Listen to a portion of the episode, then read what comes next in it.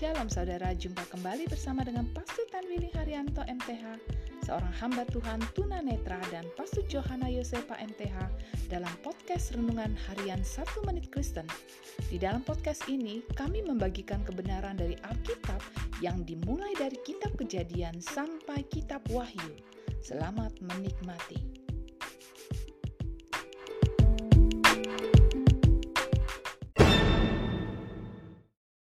Shalom saudara-saudara yang sangat berharga di hati Tuhan. Firman Allah hari ini mau mengingatkan kepada kita bahwa setialah beribadah di mana saja kita berada.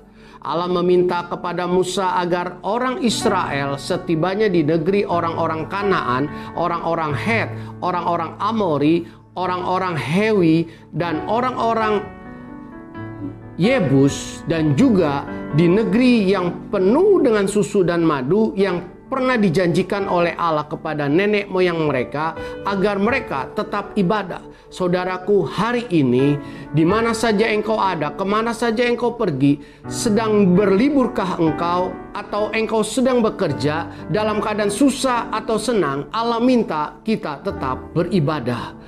Ibadah merupakan satu tindakan yang penuh dengan janji Allah bahwa Allah mau memberkati kita orang-orang yang setia. Untuk itu, berjanjilah kepada Allah untuk setia beribadah di mana saja engkau ada dan ke mana saja engkau pergi. Amin.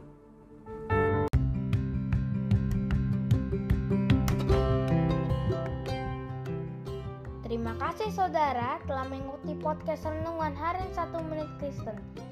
Doa kami kiranya kebenaran yang saudara terima akan membuat saudara semakin berakar di dalam Tuhan dan bertumbuh dan berbuah lebat di dalam Tuhan. Tuhan Yesus memberkati.